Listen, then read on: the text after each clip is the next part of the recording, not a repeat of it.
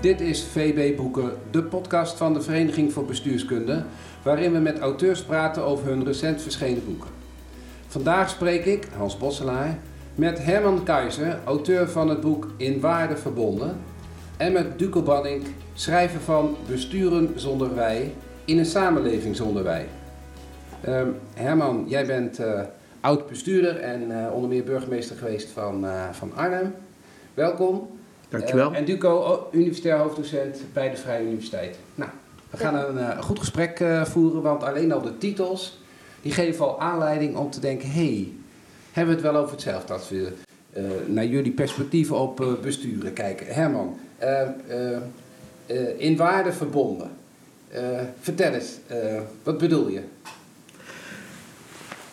Wat ik daarmee bedoel is dat um, als je de samenleving bij elkaar wil houden, dan moeten uh, de mensen in die samenleving tenminste een bepaalde gemene deler hebben op het niveau van dingen die er echt toe doen, die betekenisvol zijn.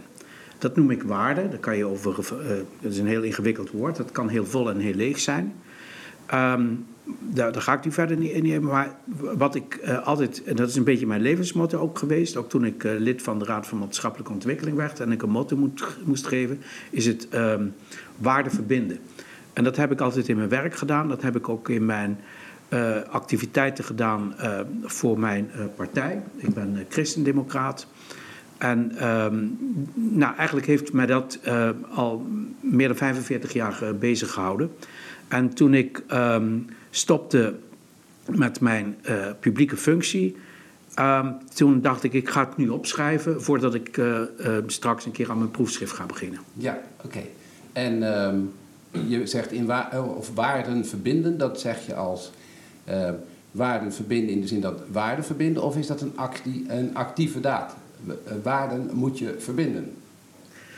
Oh, dat vind ik wel een mooie vraag. Uh, het gaat niet vanzelf. Het is dus niet zo van, nou joh, als je je waarde hebt, zo van, uh, dan komt het vanzelf goed. Nee, uh, de kern van mijn boek is dat je juist de dialoog aan moet gaan om op zoek te gaan naar de ander en op zoek te gaan naar wat je met die ander gemeenschappelijk hebt. Ja. En als je dan ontdekt dat je op het wezenlijke niveau door allerlei barrières van cultuur en wat dan ook heen in essentie hetzelfde belangrijk vindt, waardevol vindt, dan heb je al een soort van common ground. Uh, als je daarop staat, dan sta je gefundeerd en dan kan je het ook over andere dingen met elkaar oneens zijn, uh, zonder dat je meteen ruzie krijgt.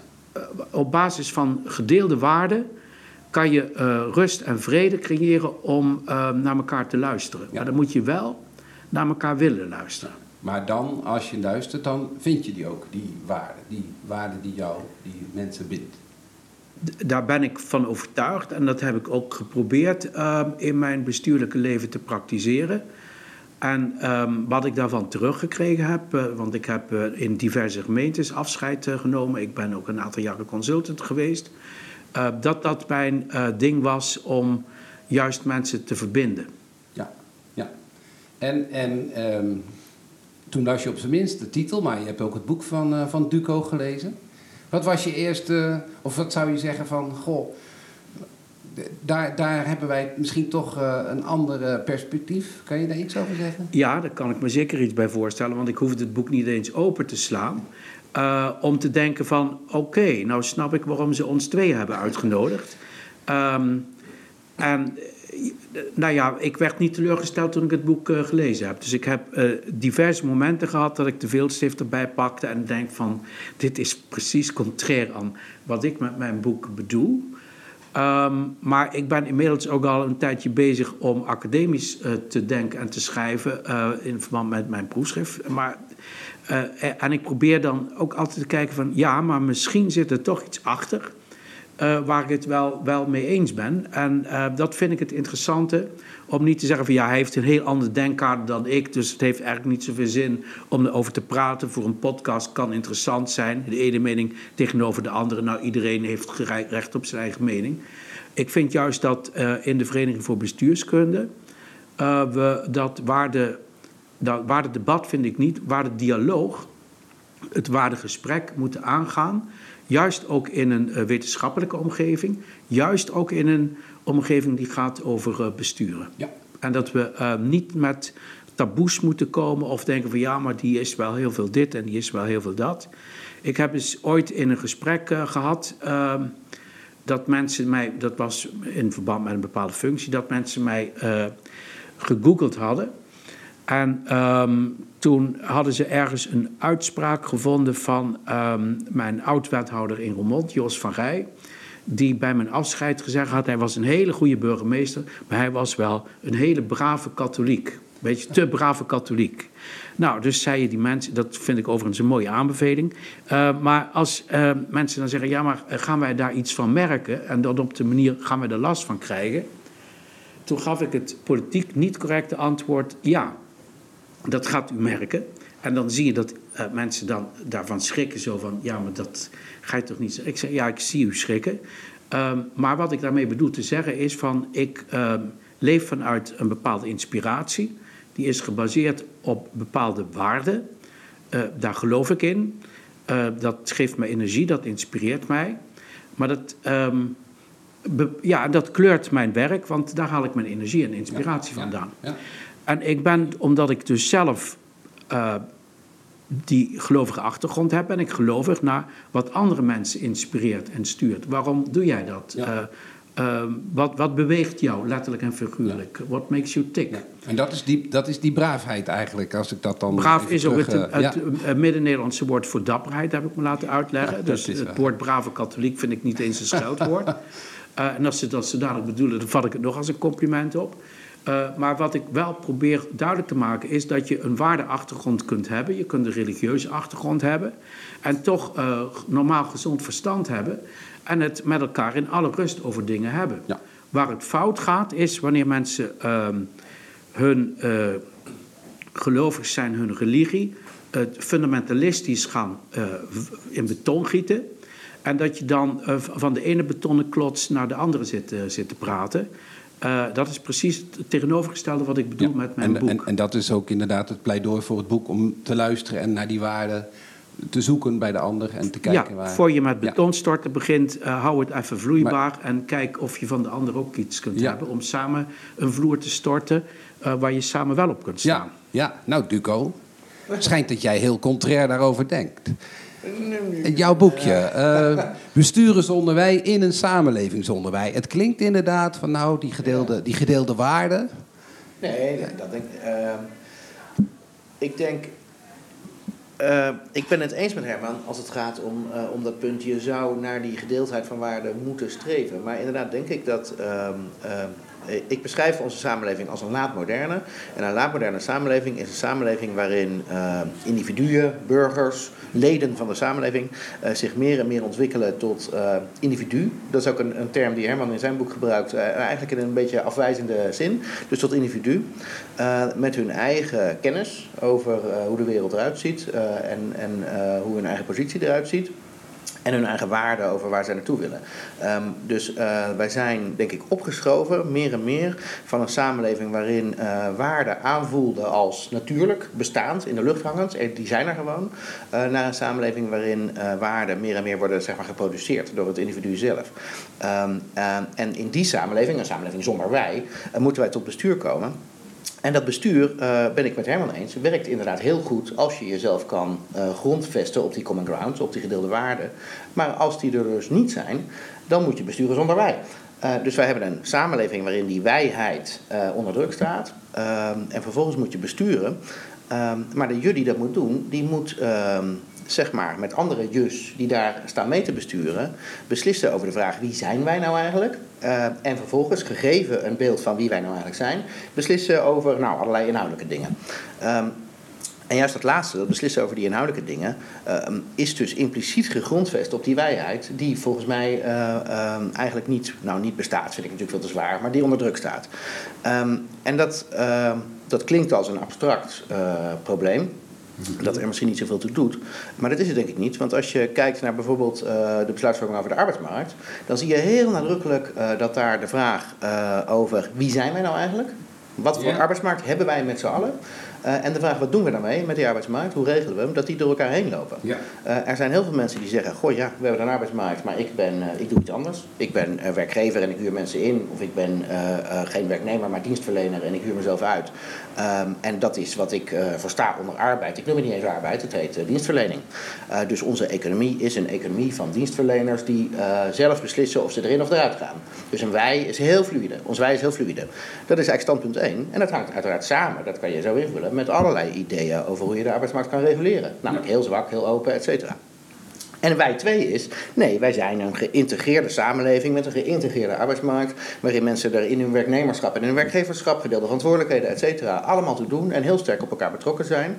En dan regelen we een arbeidsmarkt die er heel anders uitziet, die namelijk eh, eh, sterk bijvoorbeeld, bevoordeelt dat je vaste banen hebt, dat je stevige relaties hebt tussen werkgever en werknemer.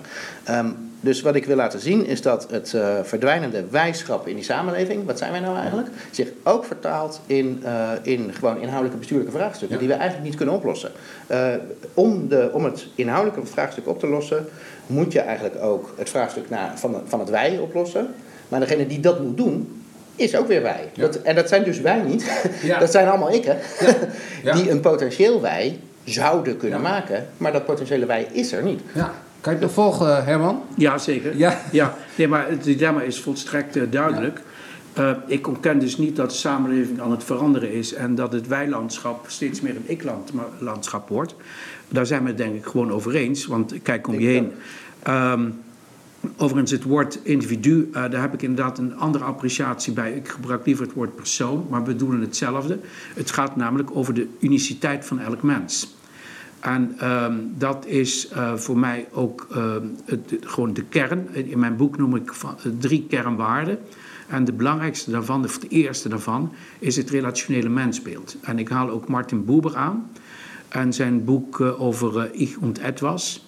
Ehm, geschreven uh, notabene in eh, 1923, terwijl Hitler al om de hoek stond, letterlijk. En hij beschrijft daar wat het gevolg is als eh, je afstapt van dat relationele mensbeeld en de ene mens de ander als een etwas gaat gebruiken. En dan heeft hij het over, niet over Hitler, want die was toen nog niet zo bekend, maar over Napoleon. En eh, dat er ehm, een demonische ontwikkeling komt als eh, zo iemand de macht krijgt, want dan is de menselijke waardigheid volkomen verdwenen. En dat hebben we dus ook gezien. En dat het nog veel verschrikkelijker zou worden in de 20e eeuw, daar hebben we ehm, deze maand eh, ook de voorbeelden van van 75 jaar geleden. Dat is ook goed om daar nu bij, bij stil te gaat staan. dan over de van Dat- Auschwitz. de- ja, precies. Ehm, maar de 20e eeuw geeft ons juist ook als bestuurskundige te denken: wat zijn de lessen van die tijd? En dat is dat het eh, zo snel gaat met het ehm, verdampen van het relationele mensbeeld. En dat komt door machtsstructuren, dat komt door intriges, dat komt door eh, de psychologie van de mens.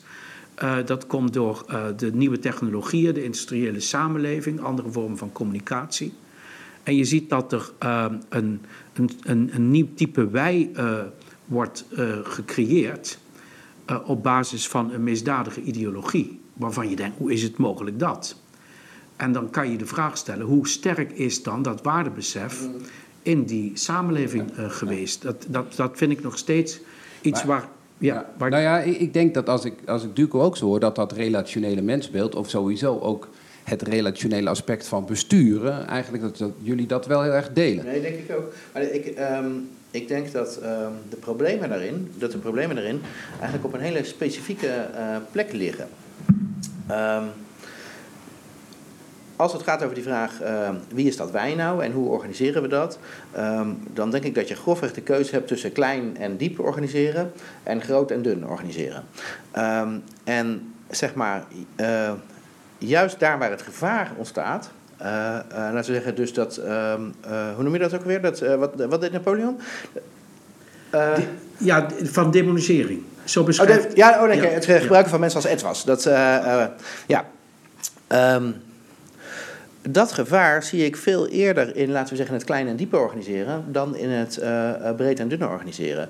Ehm, ehm, ik denk dat we op dit En dat moment. is dan breed en dun organiseren, toch nog even? Ja, Eh, we, we kunnen. ehm, uh, met mensen die heel erg op ons lijken, hele diepe uh, uh, solidariteitsverbanden aangaan. dus heel diep investeren in, onze relationele, in de relationele kant van onze, van onze relaties. Um, maar dat leidt tot eigenlijk inderdaad een heel diepe en een heel diep doorleefde, maar toch ook vrij exclusieve, streng begrensde eenheid.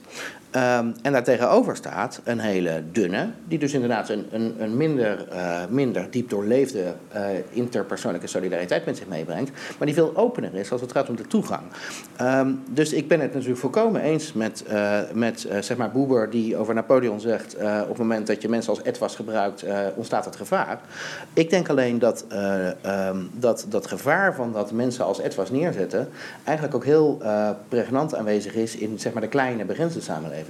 Um, dus, dus dat vind ik het enge daarvan. Ja. Uh, dat, uh, of het enge, dat, dat, wil ik je niet in de mond leggen, maar dat, uh, ik bedoel, nee, daar nee, zie ik de spanning. Dat, dat, als, als, ik dat gezegd zou hebben, mocht je me dat in de mond Ja, nee, dat, dat, ik niet doen. Maar dat, maar dat is precies ook waarom, ik heb dus drie kernwaarden benoemd. Dat is menselijke waardigheid, basis van relationeel mensbeeld, democratie. Uh, dat heb ik ook gedaan, geïnspireerd door het boek van Sebastian Rijpkema over de weerbare democratie. En het derde, dat is mijn, uh, mijn, mijn hobbyding uh, altijd geweest, dat is subsidiariteit. En dat heeft precies ermee te maken. Um, het woord subsidiariteit, de tantes die mijn boek hebben gelezen, die zijn daar gestruikeld. En ik heb van de week, toen ik voor het Katholiek Vrouwengilde uh, ook een lezing gaf, heb ik gewoon vergeet dat woord, vul daar het woord ademruimte voor in. Um, en dat is precies uh, waar we het net over hadden. Uh, je moet een samenleving uh, niet zo dicht cementeren met muurtjes eromheen, uh, dat mensen gewoon verstikken binnen hun eigen cirkeltje. En daar zijn hele vervelende voorbeelden van ook. Dat zeggen ze, ja, dat heeft dan met de verzuiling enzovoorts te maken. Dat, dat, dat, misschien wel, maar het is niet per se het gevolg van. En uh, er wordt wel eens ook binnen mijn partij uh, gezegd van ja, subsidiariteit en soevereiniteit in eigen kring, dat is ongeveer hetzelfde. We noemen dat gespreide verantwoordelijkheid. Maar dat zijn wezenlijk verschillende dingen. En dat wil ik straks ook in mijn, mijn proefschrift over dat onderwerp aantonen. Het wezenlijke verschil heeft te maken juist met dat, uh, die ademruimte. Want ademruimte kan je alleen maar krijgen als er ook lucht naar binnen komt. En er lucht naar buiten kan gaan. Ja. En als je niet kunt inspireren en expireren, uh, dan is dat een gecementeerde samenleving. En vandaar dat ik ook die drieslag, want daar heb ik over nagedacht. Wat, wat zijn nou de dingen die er echt toe doen? Dat in combinatie met democratie, en dan verwijs ik naar Sebastian Rijpkema, over die dat voortreffelijk heeft uitgelegd waarom dat uh, uiteindelijk zo'n krachtig dynamisch bestel is. Dat dient de menselijke waardigheid en die ademruimte, dat, dat heeft alles met elkaar te maken. En daarom zeg ik uh, dat juist onze democratie de kracht moet hebben om die nieuwe vormen van wij met elkaar uh, te zoeken, niet om ze op te leggen, maar om ze te vinden. Ja, maar dat, en dat betekent dus democratie in, op, laten we zeggen, op alle lagen. Van, van de democratie, uh, de, we zeggen de, de parlementaire democratie, maar ook het met elkaar in dialoog gaan op een heel uh, lokaal. Uh, ja, en ook niveau. over dingen waarvan je zegt dat zijn grenzen die hebben niks met elkaar te maken. Um, om maar eens een heel gevoelig onderwerp te noemen, dat is het misbruik in de katholieke kerk. Um, waar uh, men heel lang mee gestoerd heeft, hoe moeten we daar uh, mee omgaan om dat een plek te geven. Maar dat is onlangs ook door de paus gezegd van daar waar ehm, dit soort misdaden begaan worden, daar moet ook de strafrechter aan te pas komen. Dus, en, um, dus die muur die je ook kunt optrekken van ja, maar daar moet je allemaal beschermen. Nee, het gaat over de menselijke waardigheid ook te beschermen. En daarvoor moest die muur ook geslecht worden. Ja. En dat is dus een voorbeeld van um, het openmaken van, uh, van, het, van het creëren van lucht. Om te zorgen dat uh, die menselijke waardigheid, die gerechtigheid die daarbij hoort, uh, dat je die kunt, kunt blijven dienen.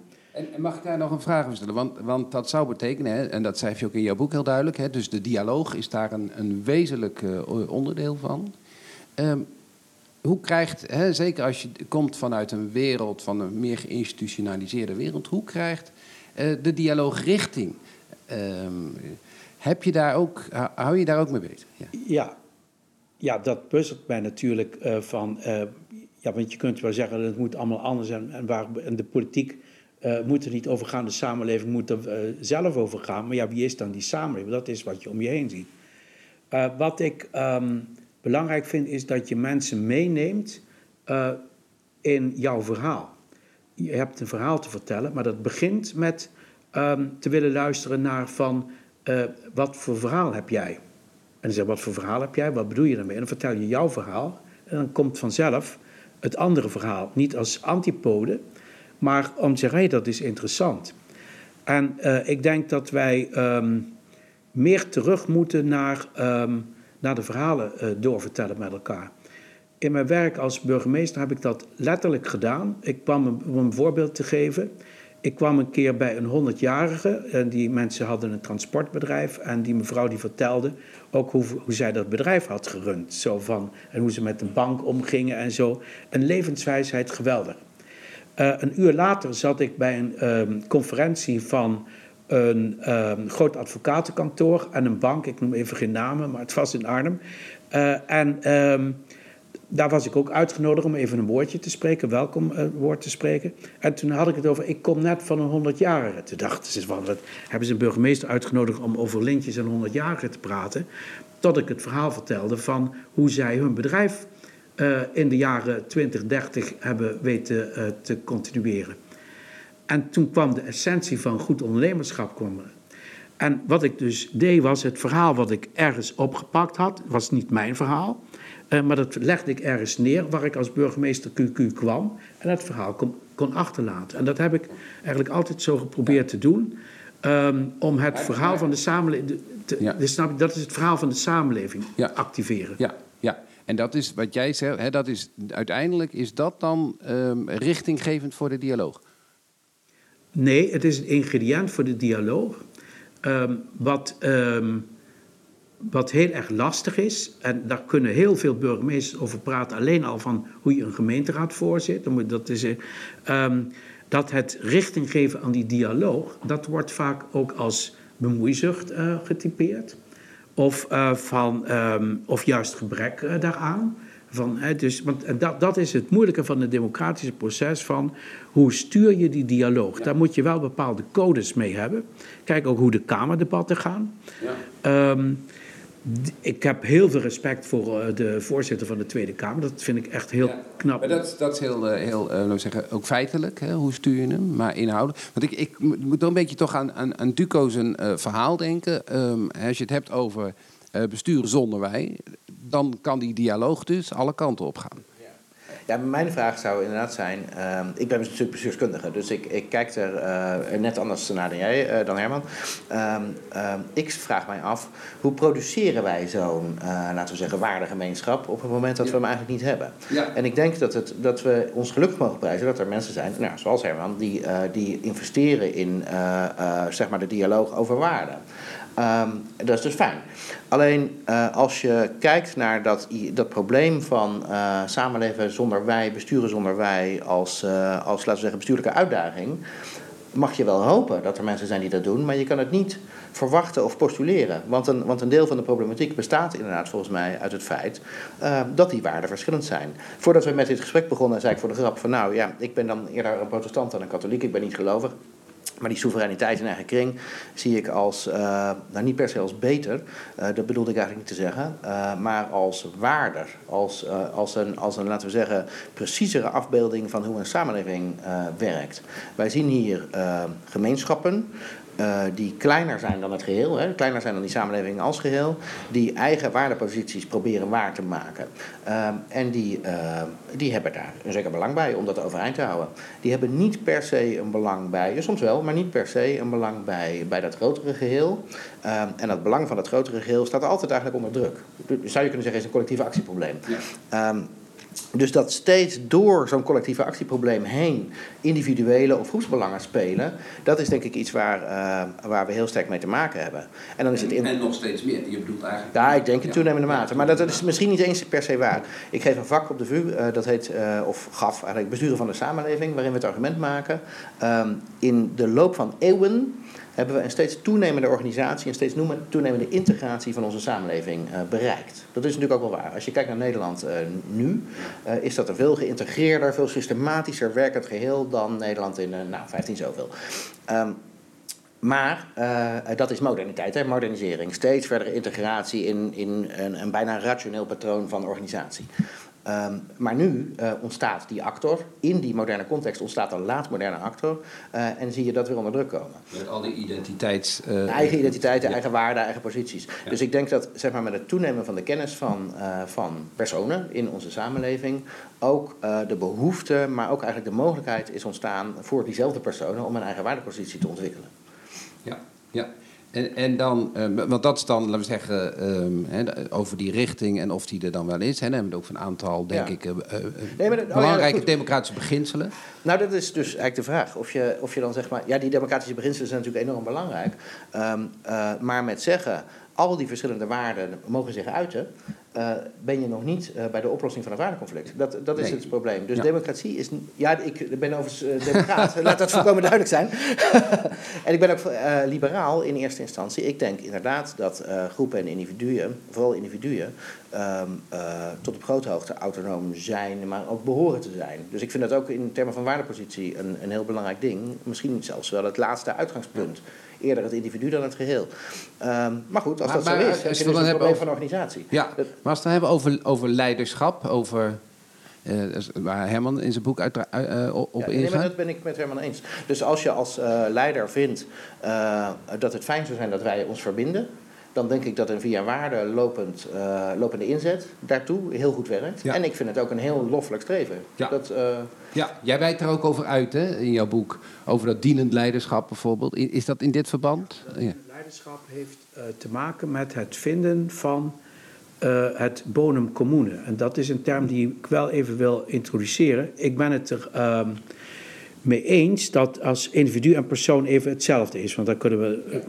Um, daar ben ik het met je eens. Dat namelijk, um, en dat is ook op basis van uh, de. Uh, vanaf Augustinus, eh, die het, het Grieks-Romeins denken over, over staatkundige aangelegenheden met het christendom heeft gecombineerd. Dat wat de staat ook doet, hij mag nooit de ziel van de mens aanraken.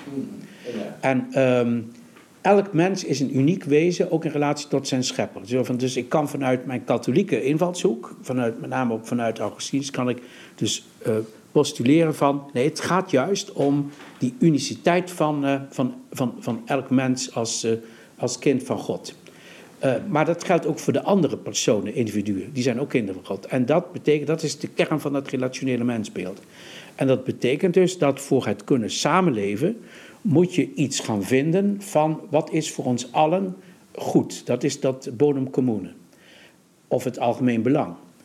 En uh, de kern van onze parlementaire democratie is dat wij ons organiseren vanuit uh, interpretaties van wat dat algemeen belang is.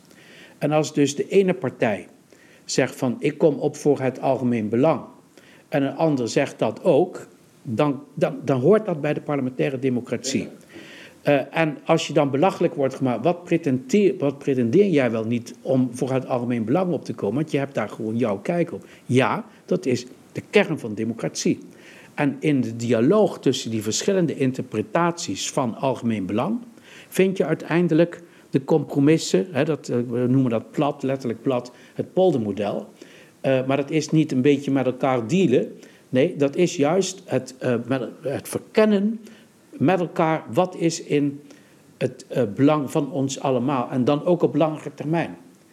En dan zie je dat en juist. Is dat, dan, is dat dan toch de ultieme uitkomst? Of is dat inderdaad een compromis? Is dat inderdaad, we moeten het er maar mee doen? Voor jou? Als, het, uh, als dat uiteindelijk uh, de slappe compromissen zijn waar je elkaar niet mee helpt, maar de lieve vrede voor de korte termijn uh, helpt oplossen, dienen, um, dan is dat niet in het algemeen belang op langere termijn. dus je moet op langere... Er bestaat toch wel zoiets uiteindelijk als het algemeen belang. Ja, natuurlijk. Als je het hele klimaatdebat, als er geen algemeen belang was, van, ja, dan, dan komt dat nooit goed. Ik heb er vertrouwen in dat uiteindelijk iedereen zo wijs wordt, omdat ze snappen, ik kan dit niet meer naar mijn eigen achterban uitleggen. Als we allemaal uh, in de problemen gaan komen, dat er een soort keerpunt, het duurt wel veel te lang, en veel tijd moet je elkaar ook niet gunnen uh, dan. Maar dat is wel de urgentie die erachter zit. Maar dat is dan meer overeenstemming dan algemeen belang, als ik het zo hoor. Het is, je deelt met elkaar de dingen van je en daar moeten we echt over gaan, want uh, over ademruimte gesproken, als die ons letterlijk wordt ontnomen, dat beginnen we dus nu te snappen. En die, 2019 is een heel belangrijk kanteljaar geweest, juist om die omslag eh, te maken van het eindeloos. Um, en, nog even dan, hè, want, uh, want dan heb je het over, hè, dus het gaat elkaar lucht geven, het gaat om, om ruimte voor het debat. En dan moet er iets uitkomen. En dan, en dan denk ik dat jij zegt van uiteindelijk hebben we mensen nodig, wat jij dan naar mijn idee dienend leiders noemt, die dan wel het voortouw nemen ja. en opstaan, op zijn minst om het debat uh, uh, het, uh, op gang te brengen of te voeren en, en de mensen naar elkaar te luisteren. Dat is de rol ook, denk je. En zo komen we uiteindelijk dat stapje verder. Ja, dat is de rol ja. van de politiek. En um, het woord leiderschap was twintig jaar geleden nog een taboewoord in Nederland. Dat, is heel, dat was, heb ik ook in de RMO uh, gemerkt. Zo van, uh, en het woord dienend leiderschap, uh, daar heb ik ook wel eens debatten over gehad. met mensen die dicht in jouw politieke richting staan. Zo van dat ze zeggen, oh, dat is een flauwekulbegrip en dat bestaat helemaal. Leiderschap kan nooit dienend zijn. Dat moet sturend zijn, dat moet richtinggevend zijn. je kunt alleen maar richting geven als je verbonden bent met de mensen aan de basis. En um, het woord dienend is dus niet als een soort ober door de samenleving gaan. Hoe had je het gehad? Dat was waarschijnlijk ook het misverstand. Dienen, hoe had u het graag gehad willen hebben? Ja. Want dat is dus de, de klantdemocratie. Uh, ja. Want dat is dus bewezen van als je denkt dat de klant koning is, gaat iedere burger zich ook als koning gedragen en zijn deel opeisen. Ja. Uh, nou, ja, naar Duco toe even. Ja. ja, uh, ja. Nee, ik zit wel een beetje te, te, te trappelen. ik ben het uh, echt volkomen in mijn diepste wezen eens met, met Hermans uitspraak... iedereen is een kind van God. dat geldt voor al die individuen, personen, hoe je het ook zou willen noemen. Um, maar ik... Um, heb echt grote vragen bij, uh, bij de volgende stap. Als iedereen een kind van God is, dan kunnen wij gezamenlijk het bodem commune vinden. Uh, want dat is nou denk ik net niet waar. En bovendien, laten we zeggen, eigenlijk met elkaar in strijd.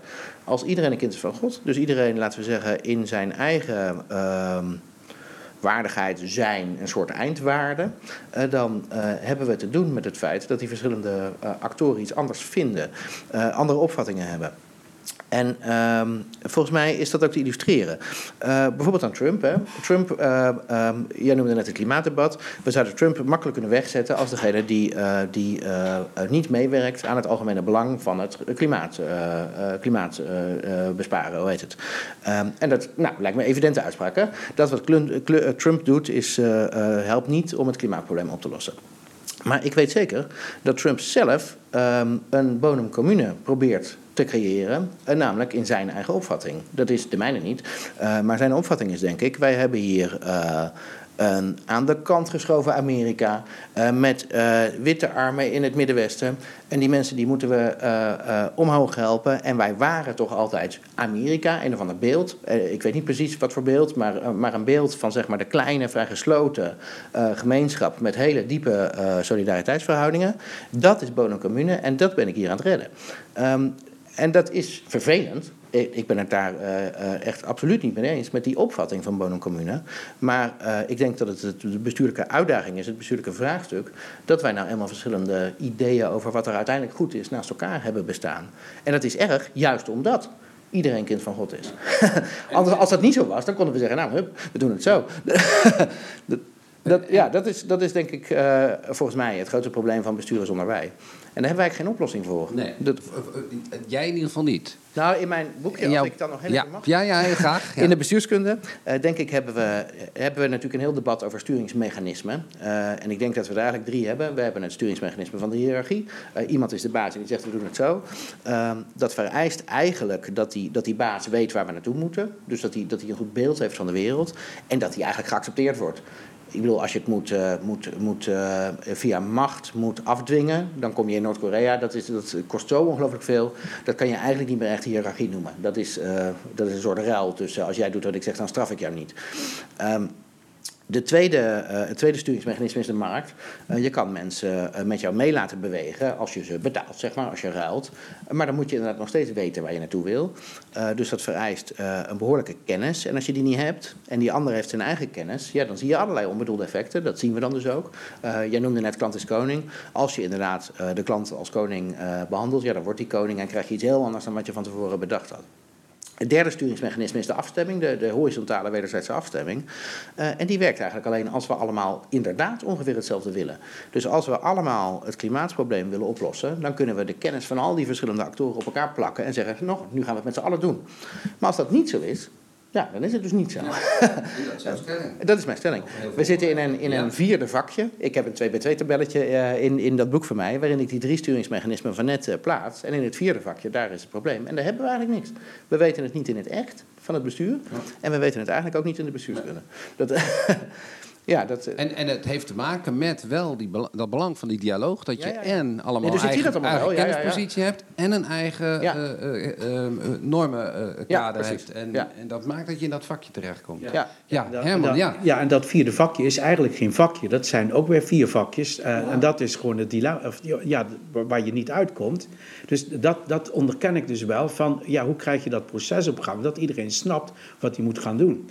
Um, voor mij is dat het, um, het uitgangspunt van de subsidiariteit. En ik noem dat ook radicale subsidiariteit. Uh, we hebben het net over Amerika gehad, maar Europa kijkt naar jezelf. Uh, waarom is het ideaal van Europa? Ik ben een, een grote fan van Europa, maar ik heb wel kritiek op hoe het nu georganiseerd is. Namelijk hoe dat in de tijd begonnen is, van, ook vanuit het subsidiariteitsdenken. Um, dan zeg je, ja, maar dit is heel anders geworden dan wat wij er ooit mee bedoeld hadden. Dus dat moet wel herijkt gaan worden. En zeker als het gaat over grote problemen, dan moet je die oplossen op de schaal die er te doen. En dan moet je dus niet zeggen van wie gaat erover. Nee, we gaan er met z'n allen over, maar wel in verschillende rollen. En daarom um, is het begrip uh, soevereiniteit in eigen kring ook een, een 19e eeuws uh, woord. In plaats van dat het oplossingen voor de 21ste eeuw biedt. Mijn stelling is, en die uh, ga ik straks ook onder, onderbouwen als ik over twee jaar zover hoop te zijn, dat um, het middel om de vraagstukken van de 21ste eeuw op te pakken op wereld, Europees, lokaal uh, niveau, dat is radicale subsidiariteit. En dat je juist um, moet nuanceren, differentiëren. En dat niet iedereen over alles moet, uh, moet gaan, uh, maar datgene wat jouw uh, leefwereld beïnvloedt, daar moet je de acteurs bij elkaar hebben, dat die samen kunnen gaan op wat is voor ons het beste. En dan, ik, je zegt... Het is wel een ingewikkelde oplossing, want ook dan nog steeds blijft jouw punt van dat klimaat bijvoorbeeld onder druk staan. Als ja, al die gemeenschap dat, allemaal dat betekent dus ook dat je uit het concept moet breken van, uh, Duco zei, ik ben bestuurskundige. Nou, ik noem mijzelf soms ook zo. Want uh, wat ik in de tijd bij Hans van der Doel geleerd heb... Die, daar moest ook het boek, vond ik een geweldig boek... The Logic of Collective Action van Menke Olson. Um, dat, en die debatten heb ik toen ook gevoerd. Zo van, dat, dat is een bijna wiskundige logica waarom dingen niet voor elkaar komen. En als je alleen maar in de wiskundige logica blijft hangen uh, dan kom je er ook niet uit. Dus er is nog iets anders nodig. En dat is um, uh, de, de deugdethiek, of de politieke ethiek, of uh, de, het publieke ethiek, of hoe je het ook wil noemen. Daar heb ik in de tijd bij mijn college Politieke Filosofie in Nijmegen hele vervelende ervaringen over meegemaakt. Zo van als je dan zegt, ja, waar haal je dat dan vandaan? Die deugd, is er dan een hoger iets waar je daaruit afleidt?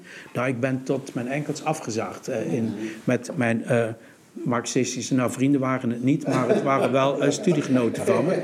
Ik heb er overigens heel erg veel van geleerd, onder andere uh, dat mij dat gescherpt heeft um, als, um, als democraat. En dat ik toen pas gesnapt heb hoe belangrijk het is om goed naar elkaar te luisteren en geef iemand de ruimte om uit te leggen wat hij bedoelt. Moet dan van twee kanten komen. Ja. En um, dat is misschien dan heel gek dat ik uh, juist in die tijd in Nijmegen heb gestudeerd dat mij dat wel voor eeuwig uh, heeft uh, in de ziel gebrand van eh, dat ik niet alleen maar christen ben, maar christendemocraat. Dat, klinkt- eh, dat heeft dus niet met drie letters van een partij te maken, maar dat is wat, wat ik ben, ook als Ja, Europeaan. Dat voelt voor mij zo. Maar ik- nog even dan, hè, want we, gaan een beetje richting het eind. Eh, jij zegt er moet radicale subsidiar, subsidiariteit, eh, eh, moet, laten we zeggen, de, eh, norm worden. Of zo moeten wij met elkaar omgaan. Dat zou een sturings-uitgangspunt kunnen zijn. Ik denk dat jij dat helemaal, eh daar helemaal mee eens bent. Eh, als jij zegt er is geen wij, radicale subsidiariteit, lijkt mij er is geen wij. Ja, dat, dat denk ik ook. Dat, ehm, eh, Ja. ehm, ja, mijn vraag eh, toen Herman het net zei, radicale subsidiariteit, was van wat is dat nou precies? Ja. Ehm, en ik denk, eh, ik vermoed. Ik, twee dingen moet ik zeggen hoor. Eerst iets negatiefs, dan iets positiefs. ik vermoed dat het. We gaan richting eind. Dus Ja, ja, positief, eh, ja. Ik, ik vermoed dat het eerder een beschrijving is van de problematiek eh, dan een antwoord. Eh, wij hebben de problematiek van multilevel samenhangen in problemen. Er gebeuren dingen op het hogere samenlevingsniveau en op het lagere, laten we zeggen, lokale niveau. En dat is allemaal met elkaar verbonden. Ook nog weer supra, supra-samenlevingsniveau. Ehm, dus dat lijkt mij één element van die subsidiariteit. En, eh, een, eh, de radicaliteit daarvan is, denk ik, eh, als ik je goed begrijp, dat je ehm, op die verschillende niveaus, diegenen die ertoe doen, inderdaad de ruimte laat hebben om daar te doen wat nodig is, zeg maar, om, om, dat, om dat af te stemmen. Ehm, ja, dat noemde ik net als eerder een beschrijving van het probleem dan van de oplossing. Want inderdaad denk ik dat op al die verschillende niveaus er waardeconflicten bestaan. En ook tussen. Eh, Precies, ook Ja. binnen die niveaus, tussen, eh, tussen de actoren die daar, eh, die daar rondlopen. Ehm, dus dat het erkennen van het bestaan van die verschillende niveaus en van hun interactie ehm, inderdaad heel belangrijk is, maar niet de oplossing is.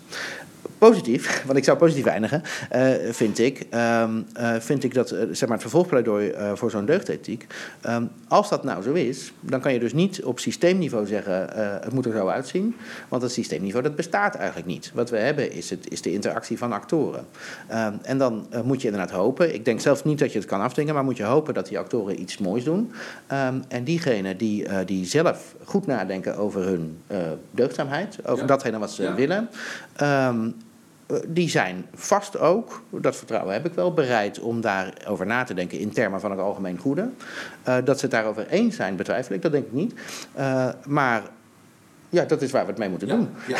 Dat is waar we het mee en- moeten en doen. wellicht dat je om je heen ook al wel aanwijzingen hebt dat dat ook zo. Nou, er zijn natuurlijk een hoop mensen die eh, proberen het goede te doen. Maar ik heb ook een hoop aanwijzingen, en dat is vervelend, van het feit dat het, eh, dat het daardoor toch niet per se lukt. Het wordt heel vaak gezegd ook over professionals. Hè? Professionals zijn gericht op eh, uiteindelijk op het goede voor de, voor de cliënt of de patiënt, hoe je hem zou willen noemen. Ehm, en we hebben de, beweging naar wijkteams gehad in de, in de maatschappelijke zorg. Daarin was het idee, we gaan de zorg, de, vorm, de vormgeving van de zorg decentraliseren. Eerst van Rijksoverheid naar gemeente en binnen die gemeente naar degene die het uiteindelijk moeten doen in zo'n wijkteam. Eh, daar zitten dan, laten we zeggen, vijf professionals naast elkaar met ieder een eigen professie. Waardoor je dus vijf concepties krijgt van wat er goed is voor die cliënt.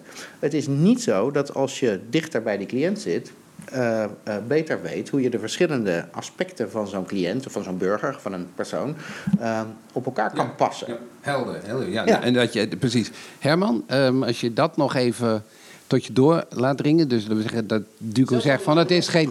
Het is niet. Het is niet. eh, Het is meer een beschrijving van het, van het probleem of van de werkelijkheid dan dat het de oplossing is. Ja, maar het is wel een beschrijving vanuit een bepaald interpretatiekader. En dat is een ander interpretatiekader dan alleen maar het systemische, eh, het algoritme of de logica van Olson. Want ik vind, nogmaals, ik vind het een geweldig boek. Er ging een wereld voor mij open, maar ik miste dus een element. En dat element, dat is dat van de deugdethiek. Dat vind je bij Plato, bij Aristoteles. Dat vind je eh, bij de kerkvaders, vind je dat terug. En ehm, wij zouden dus eigenlijk veel meer Ehm, en dat is ook een oproep aan de bestuurskunde, uit het, vanuit het systemisch denken. Want op een gegeven moment, als je alles, de wereld om je heen als systeem ziet, en niet meer als een ordening zoals het ooit bedoeld is en waar een idee achter kan zijn, dan kom ik toch bij, bij Plato en Augustinus terecht. Eh, maar daar moet je het wel met elkaar over hebben. Is er niet toch iets gemeenschappelijks, een idee waar we met z'n allen voor gaan? En dat is er volgens mij wel. En dan moet je dat, dat is de essentie van democratie, dat je dat met elkaar gaat, gaat doen. En een pand-en-klare oplossing heb ik niet, want dan was ik, eh, Eh, net als uh, hoorde ik bij die club van de miljardairs terecht. Dat zou ik toch niet willen zijn. Maar, oh, ja, we hebben... nu. Ja, ja, ja. Nee, nee, maar snap je dat. dat het, maar je moet het wel gezien, en dat, dat is hoop ik ook een beetje de betekenis van mijn boek. Dat het mensen scherp maakt van. Kom uit het systemische denken en durf ook dingen te benoemen die met ideeën te maken hebben. Dingen wat je vindt en de vraag, nou wat is eigenlijk de bedoeling van ons bestaan? Welke zin zit hierachter? Ja. En ik denk dat, uh, en, en dan wil ik het heel graag afronden, ik vond het een ongelooflijk interessant uh, gesprek. Dat, laten we zeggen, het, jouw jou, um, oproep aan die bestuurskunde ook die de, de, de deugdethiek ook het nadenken over het goede, om dat als, als wezenlijk element van het besturen uh, te onderscheiden of te onderkennen. Waarbij uh, uh, Duco ook, um, hoewel die het heeft over besturen zonder wij, daar toch een zekere vertrouwen en optimisme bij voelt. Dus ik denk dat dat een heel mooi eind is om, om dit gesprek af te sluiten. Um, iemand nog een laatste woord? Nou, ik denk dat je dat heel goed hebt samengevat. En ik ben er optimistisch over. Kijk wat in Rotterdam gebeurt, waar ze een stel theologen en filosofen in dienst hebben genomen. om juist dat aspect uh, aan te kaarten. En ik ben uh, hoopvol gestemd. En ik zal ook uh, blijven prikkelen in de Vereniging voor, voor Bestuurskunde. Dat heb ik 25 jaar geleden al gedaan. Um, en door het gesprek met Duco denk ik van wij zijn het. Um, over sommige dingen met elkaar oneens, maar in de kern hebben we wel de diepste, dezelfde, delen wij dezelfde zorg. En eh, is het juist de, de joint forces uh, die, die moeten zorgen dat, dat we een bepaalde goede richting opkomen. Daar ben ik vol vertrouwen over. Uh, ik wil jullie heel erg hartelijk danken voor het gesprek. Uh, voor mij is in ieder geval de conclusie dat jullie beide een hele waardevolle bijdrage leveren aan het denken over besturen nu en in de toekomst. En Misschien is wel het beste advies om de, aan de luisteraar om beide boeken eens uh, tot je te nemen. Besturen zonder wij in een samenleving zonder wij van Duco Banning en In Waarde verbonden van Herman Keizer.